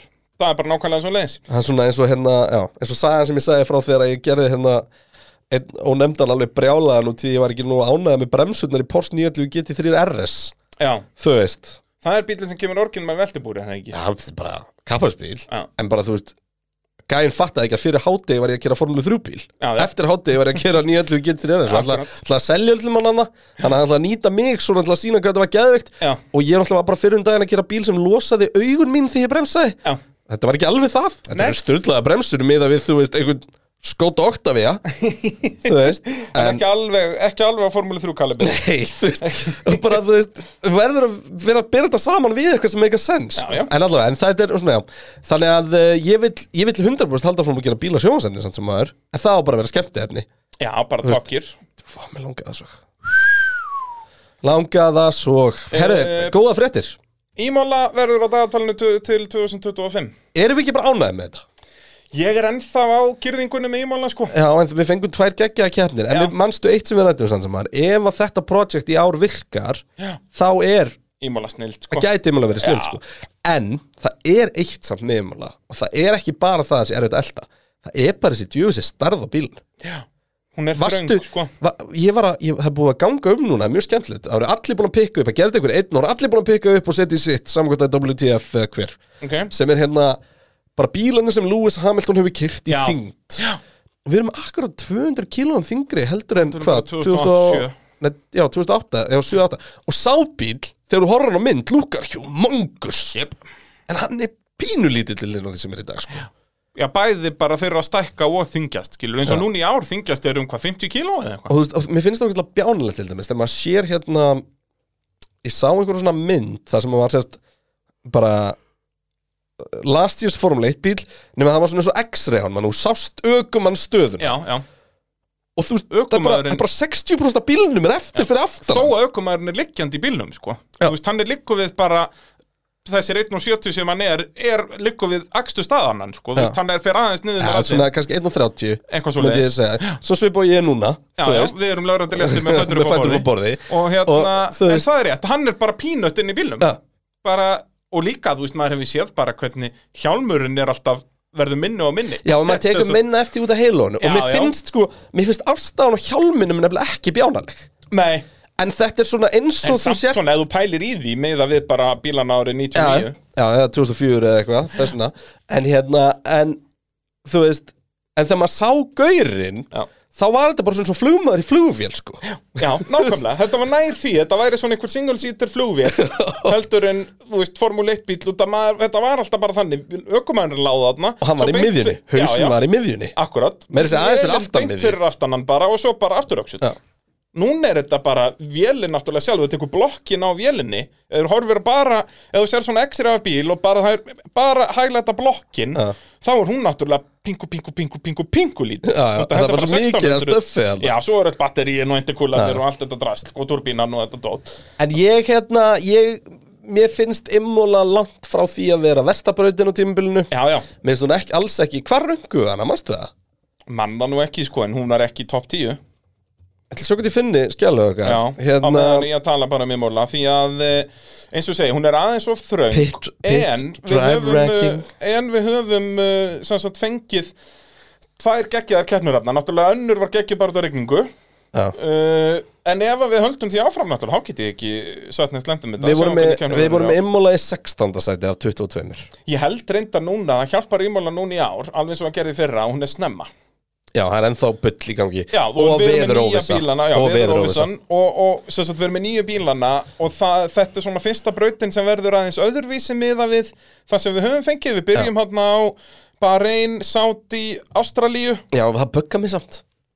Ég vill bara byrja í Ástralíu Eina sem ég er samt ánægð með Eina sem ég er samt ánægð með Er að föstudagsæfingarna verða svo áhugaverðar í bara einn helgin í keppnishelgin núna Vissulega. Að við séum ekki að fá þær klukkan þrjú og fimm Skilur við Já, og líka það að við fáum þeirra sömu braut og testingi var Já, sem Hvort er það actually carbon skemmtilegt sko. copy, sko. Ég held nefnilega að það væri gaman Já, hvort hvað liðanum tókst að gera á milli En sko, Já, og líka bara en, hverjir voru að sandbakka sko. en bara til að setja í samingi líka sko Immola fær 6 Þú veist Spát fær 4,2, Frakland fær 3,4 og Sochi fær 4,7 sko, hann fyrir neðan. Og Já, sem okkar fær er- 9,4 þú veist, er þannig að þetta er, þetta, já, þetta er bara, hún er bara svona með, hún er bara Hún er, hún er yfir meðal, þú veist, meðal er 5 Hún er Já, hún er samt sko, miðgildið okkar er 6,475 Já, einmitt, vissulega. 6,475 Þú veist, hún er þarna í brakketi með Bahrein, Sandvort, Imola, Singapur, Monaco, Saudi, Mexico, Ungarlandi og, er í og Bandaríkjunum. þeim pakkanum. Og svona neðalegi þeim pakka. Já. ég myndi nú aldrei senda hann í sama brakkit og bandaríkin til dæmis. Nei, en Bandaríkin er ekki með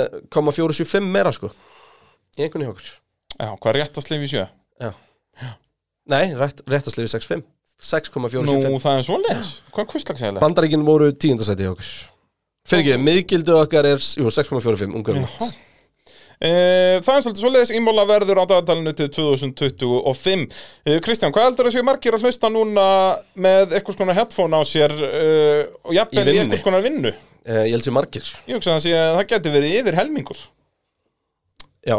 Spurning hvort það svona- er út sko, Spurning hvort það er úti vinna eða inni vinna sko. Þú veist það er meina deskvinna eða þartu alvöru hirtnatúl vinnu Já, það eru náttúrulega ekki margir sko ef þú vinnur við tölvu, að ég svo sem veit það ekki ef ég var að vinna við tölvu, þá get ég ekki verið að hlusta neitt á með Nei, ég nefnilega er það líka. Ég get Því það, mér- ég Ég get get alveg ekki- með tónlist eitthvað staðar undir eða eitthvað. Já, já, en eh, svona En það er, það er helst ekki headphone mínu, það er meira bara svona Já, bara ambience, sko. eitthvað, já, algjörlega. Ég, En, veist, Ég hef nefnilega reynd iðnaðarmennirnir- þetta sko Já, þetta er aðeins, ég er náttúrulega að gera eitthvað ég, ef ég var að skrifa tölupóst til þín bara, Já, og, ég ég bara og ég væri bara að hlusta á hérna einhverja eða draugasögu eða eitthvað þá var ég bara eitthvað, sælbræði, heyrðu, hvernig væri að við myndum á fimmtudaginn, tveir draugar bak við speil Eða þá að þú myndir ekki hlusta á eitt einasta orð í podcastinu allt myndir alveg svona út. Já, já. Já, það er eiginlega líklega Ég get, þú veist, ef ég ætla að hlusta á podcast heima með mér, þá verð ég bara að fara að spila kapal. Ég elska samt að leggast upp í rúm og hlusta podcast og sopna við því Já, það er náttúrulega kemur ASMR stertin hjá bjösvininu Ég hlusta bara á alls konar, ég hlusta meira bara á okkur útlensk fórum leitt podcastu og eitthvað sko. Já, ég verð að hafa þetta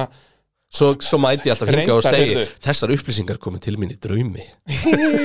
Uppáhalds YouTube-vídeóð mitt ever Já, Það er stelpa að lesa Formule 1 tímaritt árið 2014 og er að tala svona almennt um formúlu fyrir fólk sem að veit ekkert um formúlu. Ah, og hún er með the sweetest voice ever. Já, Fáum við betin Herri, við Já. reynda vorum búin að skúpa þetta að vera gestur en svo voru ekkert heyrst frá honum. Herru, það er enda rétt. Býtu hver átt að vera- gestur? uh, Það er Lendo, Ú, hann er danskur og byrjar að ká það verður nú uh, krútlegt En við munum fá hann. Já, Þetta er kollegi okkar. Kollegi Það okkar fer ekkert að, en talandum uh, headphones, því að verkværasalan er að selja Isotunes free. Isotunes. Isotunes free heyrnatól Þetta eru bara svona Airpods Já. nema hannuð fyrir þinnæðamenn Já, og það er til einhver nokkra útgáður að þessu. Já. þetta er vist algjör snill Þetta er styrlu, þetta er noise cancelling. Og- Þannig að þetta er líka öryggisadri Já, þetta er nefnilega að þú getur með svona Airpods bara feelingin, Já, já, en verið samt með peltón sko. Já Þetta er sess að noise cancelling og er með sérstökum búnaði þannig að þú veist, ef þú ert bara með slípurokk við andlitið á þér þá mun sérst háfaðin fyrir eirun að þér aldrei fara yfir 85 decibel. Já. þó að hljóði slípurokk að skera játnir miklu hærri en það sko, ef það er alveg við, ef það er nálættir Já, og endist akkurat daginn, virka með, þú veist, uh, símaðin eða Siri Já, eða svo er það whatever, náttúrulega, sko. þú tekur símtölu í þessu líka og allt það sko. Þetta er ekki ekkert sem er alltaf komið að Bluetooth þessar peltur og Já, eitthvað. En það er bara, þetta er bara, ef þú ert nútíma Já. ertu með eitthvað svona. Ertu með Airpods sem er samt fyrir og þetta er bara hanna fyrir þinn aðmenn. Þetta er það. fyrir rík og sag og svita og vatn og allan þetta þólir allan anskot. Blóð, svita og tár. Boom! Og eins og ég segi, endist í sjö tíma, þetta endist í vinnundaginn ef þú ert með svona hlænsli dokku er það 14 tímar. Ef þú ert í mikill liðvinnu Þannig að þetta er eina vitið að ég mæli með eh, fyrir fólk sem er að hlusta á okkur núna í, í heyrnátólum og heyrir ekki nú að velja okkur fyrir eh, jöðaranum sem þú ert með í höndunum að það skal til skottast í verkværi og fá þér svona Airpods Airpods Isotunes Free, þetta er uh, Gucci. Uh, Annaði fréttum, það er náttúrulega núna flestir virtustu Formule 1 blaðamenn heims uh, búin að sjá hann Drive to Survive Þegar ég sá það, ég ætla að viðkynna, þá sendi ég post frá pitturum á uh, Box to Box Media. Wow! Bara að sjá hvort við getum bara á morgun, Verið þú getur bara að koma heim til mín við getum farið í sófan og ég, við, ég myndi bara smita það að COVID. Já, það að við getum, reyndar Nei, þú sterkur þarft ekki að mæta neitt daginn eftir hvort þið er þannig skiptir ekki máli, getur bara svoðið í sófanum hjá mér. Já, þú veist, ég þarf að mæta á fimmtudaginn Það er rétt. Það er svolítið En svolítið þá væri við báðið með COVID Já, já, við að báðir hóstandi í mæk í stúdíu og Viaplay Það gæti, nei, við erum náttúrulega mikið að fara að æsa okkur hérna neitt þannig að Nei. Þetta er ekki að fara, er ekki, við erum ekki að fara að kæra hérna í fyrstu beig og það er sko, allt að gera. Hérna er maður að þarf að fara- gýra sig upp í þetta. Ég er að fara að æsa mig meira í kvöld heldur en uh, er í, Ég get ekki beðið eftir að deila með pitkrúnu hvað við erum að bralla.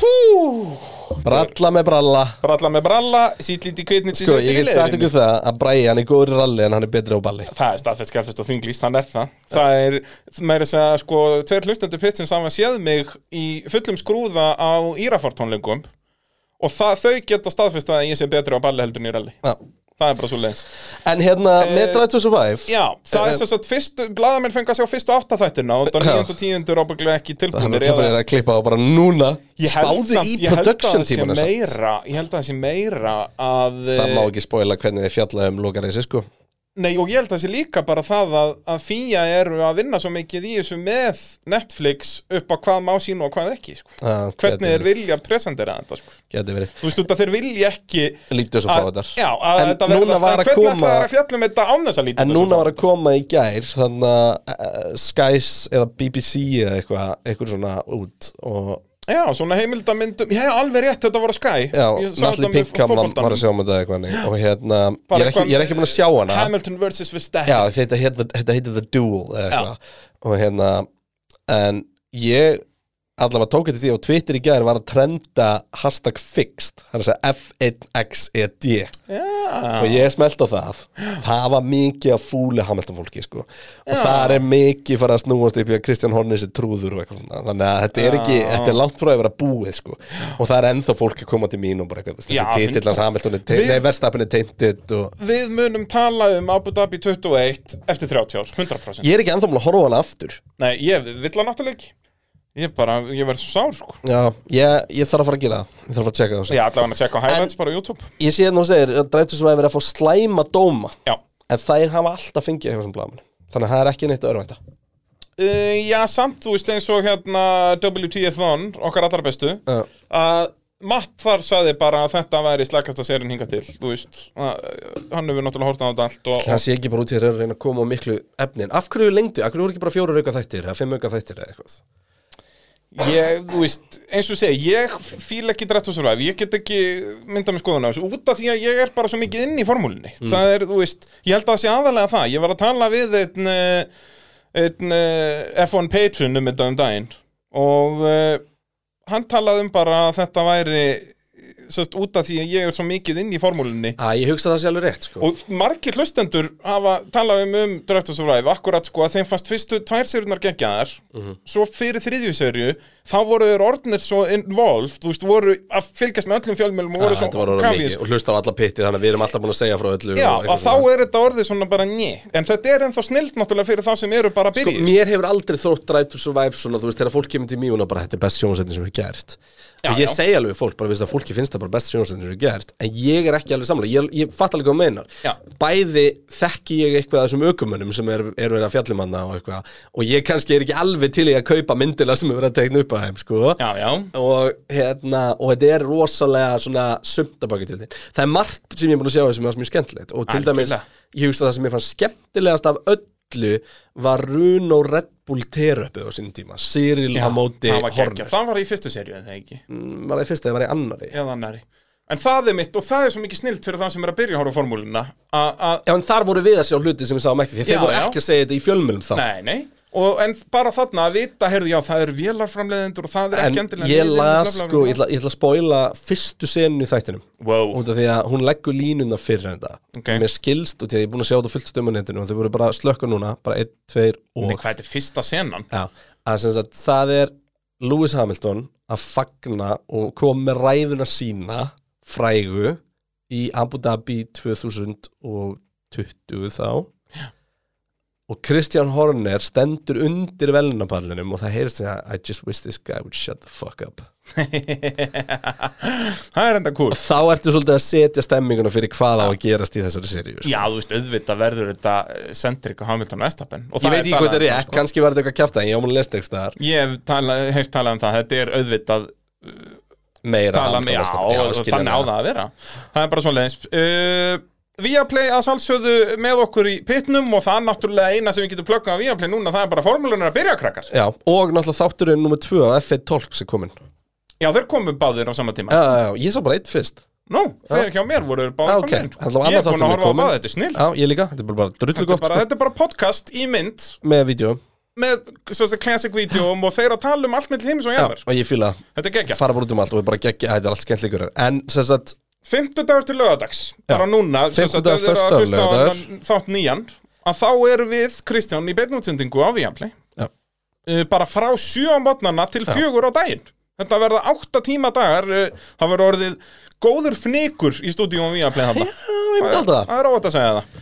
Uh, Og það er náttúrulega prísið sem Tökum okkur nú eitthvað hátegisli samt sem Já, áður, og við hoppum inn og út og eitthvað. Þetta verður mjög frjálslega útsending. Já, Ég get þetta lofað er, því. við, þetta verður, þið fáið, þið raun og eru að fara að fá 24 tíma á pitinu Já, basically, við verðum uh, kreinar og bíhundur þarna en ekki Bræði Þórðarsson Já, verðum svona staðar mitt á milli Já, allavega. Já, við verðum löðrandi léttir. Um, Og það er bara þannig og uh, þetta er náttúrulega bara, þú veist, við munum sjá risastóra breytingar frá, frá Barcelona og við munum sjá breytingar yfir dagana og við munum þarna loksin sjá liður umverulega pússa í performanceun Já.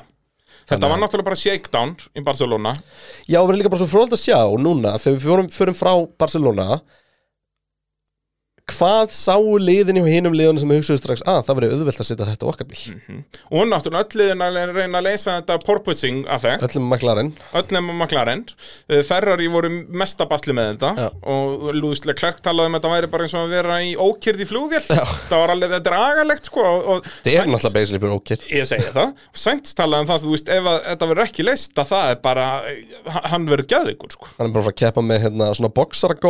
Já, bara, þú veist, bara alltaf í tvo tíma hvern einasta sunnunda, þetta er ekkert spes. Nei, Þannig nei. að, við erum að fara að sjá það uh, Síðan, þú veist, FIA eru búin að gefa það út núna sko, að við munum ekki að út að það er alltaf leiðilegt í reglubreitingum að kemur alltaf svona shitstorm af að þetta er ólögt öll liðin að kæra hvern annan. Mhm. Já, og FIA það er er að reyna að stoppa það, núna náttúrulega Ross Braun aðalmaðurinn þarna og hann var náttúrulega bestur í þessu á sínum tíma að fara út fyrir reglurnar. Kann eitt góðan skítastorm. Já, þannig að hann er núna sem sagt, FIA eru búin að fara að skoða alla bílana bara til að tjekka, heyrðu, þetta er nú svolítið að púsa þetta, þú veist, eh, breytiði þessu þetta er ekki, við viljum þetta ekki. Vist, þeir eru búin að skoða alla bílana og eru búin að gefa það út að það er alveg sömur sem eru að púsa svolítið en, en ekkert alvarlegt svo náttúrulega með nýju Concord-reglunum komu þær reglur inn að ef að átta lið og FIA eru sammála um að eitthvað sé ólulegt þannig að segja er ólöglegt. átta af tíu Já. þá má breyta þeirra reglu í dag.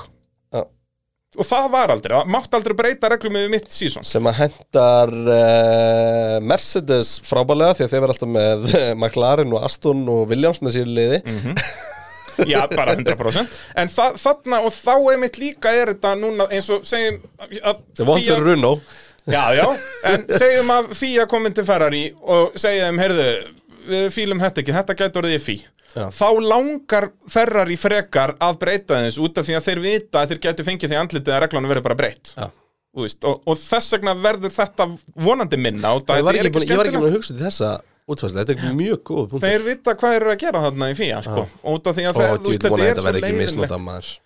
Já, þú veist, það er alltaf, það finnst engum þetta skemmtilegt Þessi shit Nei, en átta er samt þannig að það er ekkert lið sem getur búið til að Lions bara eitt sko. Um, og það er meira þess að ekki tveir vélaframlindi sem geta gert það sko. Nei, nei, þú þyrftir alltaf, sko, ef þetta var Mercedes að prótesta, þú veist, Honda eitthvað, þú veist, þá er ég að meina Red Bull uh, þá þyrfti Mercedes alltaf öll ferriliðin og öll Mercedes-liðin og Runo með sér. Já, þú veist, það er aldrei að fara að gerast. Jú, ef að Jú, ef væri allir eru- já, ef En ég er allir að segja, eru þú veist, þetta er ekki þannig að, þú veist það þarf bara fimm, þannig að Mercedes þurfa bara sínlið og einni viðbútt, þú veist. Alls ekki. En, en, þú það er veist, flott. Já, heldur betur. Þannig að það byrja núna á 50 klukkan 7 að mótni Við verðum við Kristjánu Bitna og Viaplay með bara einn pre-season testing. Já. Svo verður bara stíf dasgrá þarna 5 fös lau Svo náttúrulega meistaradeildin 16. úrslitin að koma sterkinn á Viaplay líka.